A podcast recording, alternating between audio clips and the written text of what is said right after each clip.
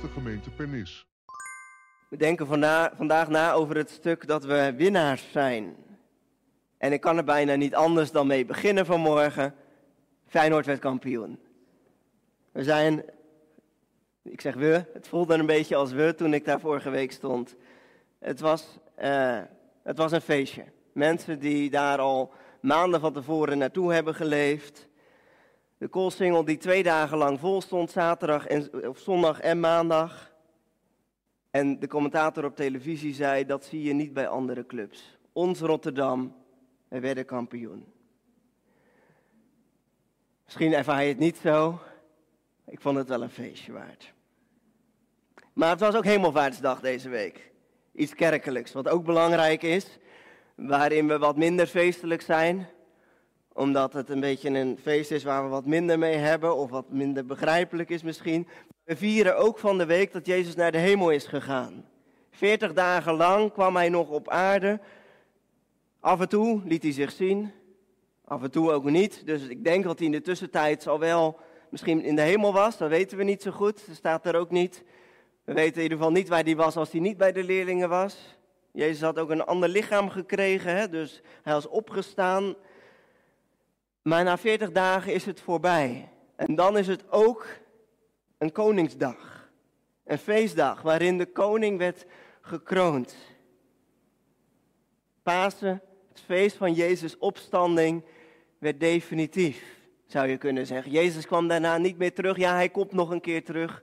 Straks, ooit, op de, op de wolken van de hemel. Zoals de engelen tegen de leerlingen zeiden die daar, en dat hebben we niet gelezen, dat hebben we afgelopen donderdag in de hervormde kerk gelezen. De, de, de leerlingen keken naar boven en de engelen zeiden, zoals, zoals Jezus is opgegaan naar de hemel, zo komt hij terug. En vandaag zitten we daartussenin. Ik zei het al aan het begin van de dienst, het is de Wezenzondag. De dag waarin de leerlingen van Jezus eigenlijk vol vreugde teruggingen naar die bovenzaal en daar gingen wachten met Maria en allemaal andere mensen. Wat uitgroeide in een groep tot 120 mensen. Een hele club mensen die volgende week zondag het Pinksterfeest. Waarin we volgende week luisteren naar getuigenissen van onszelf. Omdat ik toevallig in Spijkenisse ben, maar ook omdat het mooi is om juist op Pinksterzondag verhalen te delen. Jezus die tegen de leerlingen zegt, ik geef je mijn geest. En dat stuk daartussen, tussen hemelvaart en Pinksteren, denken we alvast na over het overwinningsfeest. Want Jezus die inderdaad was opgestaan, die zegende die leerlingen. En ik stel het me, ja, ik was er niet bij, maar ik stel het me wel voor dat die leerlingen nog keken naar die plekken waar de spijkers hadden gezeten. En Jezus werd opgenomen, omhoog ging, een wolk hem wegnam en ze zagen hem niet meer. Maar wat gebeurde daar achter die wolk? Dat staat nergens. We kunnen het alleen ons voorstellen als dat we, zoals we dat in Romeinen 8 hebben gelezen, die aan de rechterhand van God zit. En ik speculeer, maar ik denk dat u me dat daarin wel kunt volgen, dat Jezus achter die wolk in de hemel kwam. En de hemel is niet per se boven ons, maar de hemel is op een plek waar God is. Jezus kwam binnen. Definitief bij de Vader. Bij de mensen die daar wellicht al waren, de zielen van de overledenen. En Jezus zei, Vader, hier is het. De spijkers in mijn, mijn handen, mijn voeten, het is voorbij. En hij nam plaats aan de rechterhand, de belangrijkste plek die er is, waar op de, als een koning een troon had en daarop zat, zat aan de rechterhand vaak de belangrijkste persoon. Bij Salomo was dat bijvoorbeeld zijn moeder. Die zat op de troon ernaast. Zo mocht Jezus plaatsnemen op de troon bij de Vader. Om daar nooit meer weg te gaan, totdat Hij komt. En op deze zondag denken we daarover na. Totdat Hij komt, wachten wij, bidden wij, zien wij uit naar wat God doet. Ja, verwachten wij de geest. Omdat de geest ons vast als voorschot is gegeven op de overwinning die is behaald. In Lucas lees je dus wel dat Jezus weggaat en dat hij zegent en dat hij vertrekt. Maar we weten niet precies hoe. In Romeinen neemt hij plaats aan de rechterhand van God. Maar gaat er iets anders spelen? In het, eh, dat stuk van Romeinen, dat kennen we denk ik.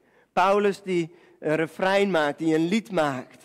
Wat moeten we hier verder over zeggen? Als God voor ons is, wie zal dan tegen ons zijn?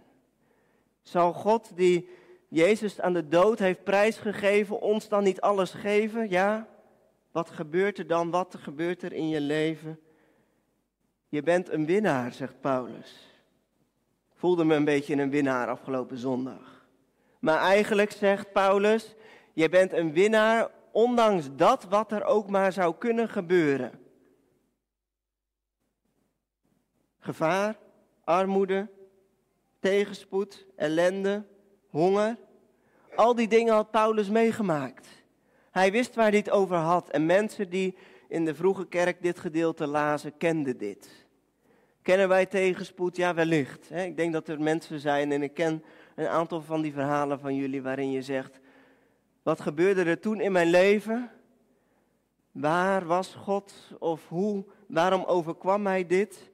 Maar ik denk dat er weinig mensen zijn die zeggen, ik ken het. Ja, misschien vanuit de oorlogstijd, maar van nu, ik leid honger, ik weet niet hoe ik vanavond, vanavond moet eten.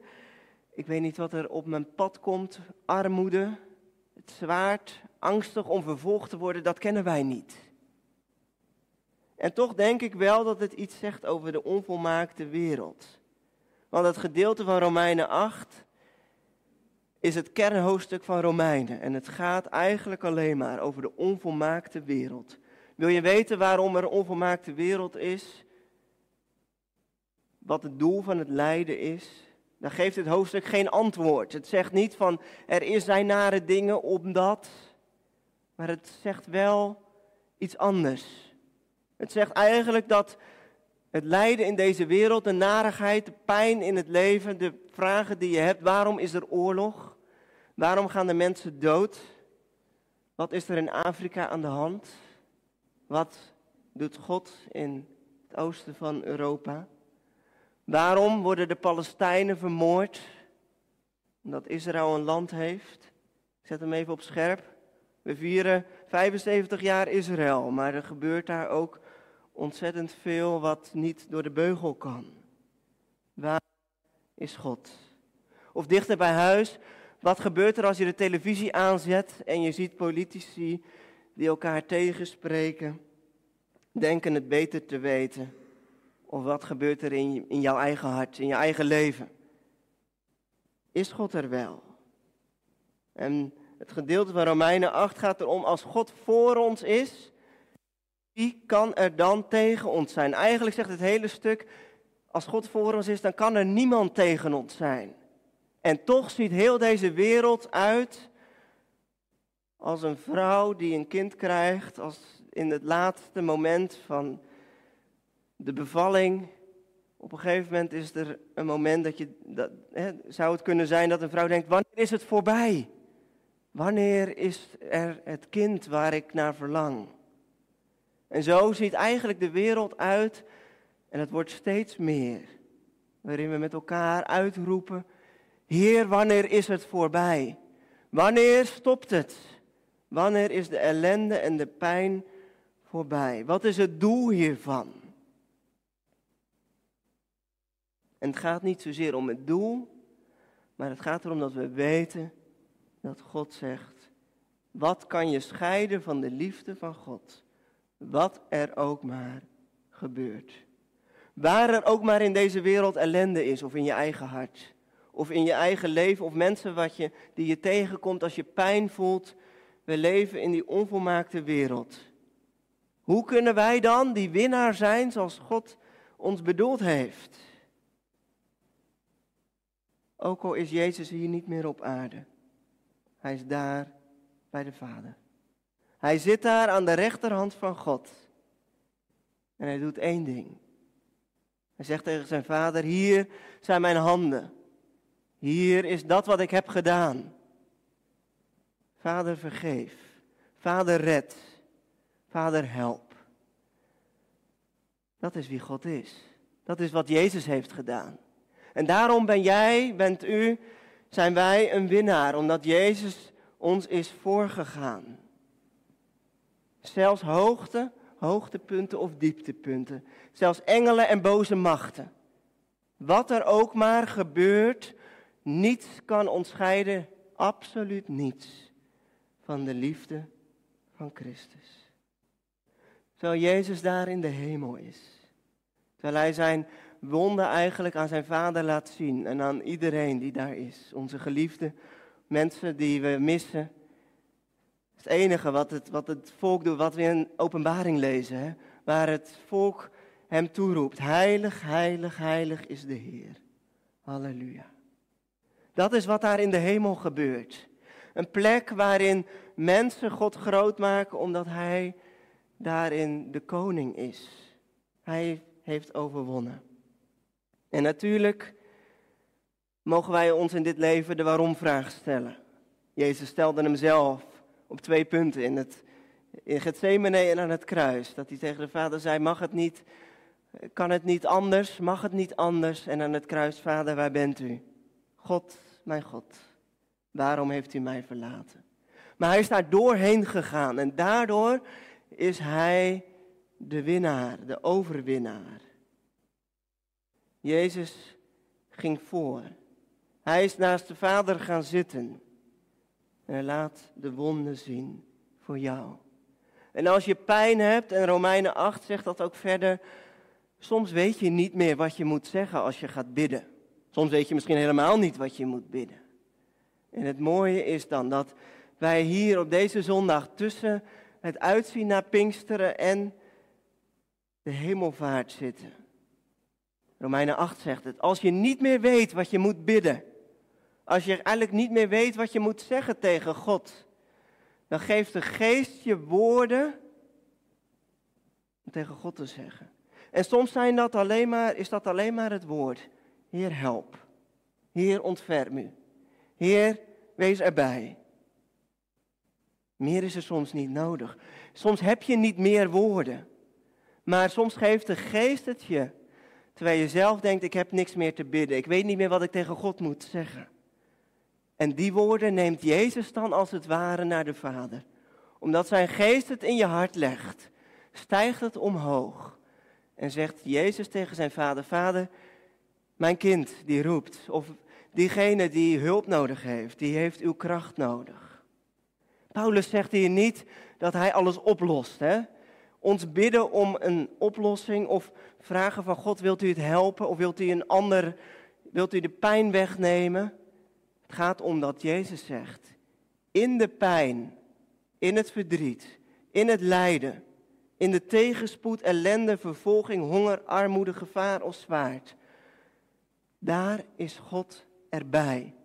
Daar is God degene die zegt, ik ben jouw winnaar. God is de overwinnaar. Nou, eigenlijk staat het er andersom. Hè? In de oude vertaling staat er, wij zijn met hem meer dan overwinnaars. Jezus is de winnaar. Toen ik vorige week op de koolsingel stond, voelde ik mij een beetje een winnaar.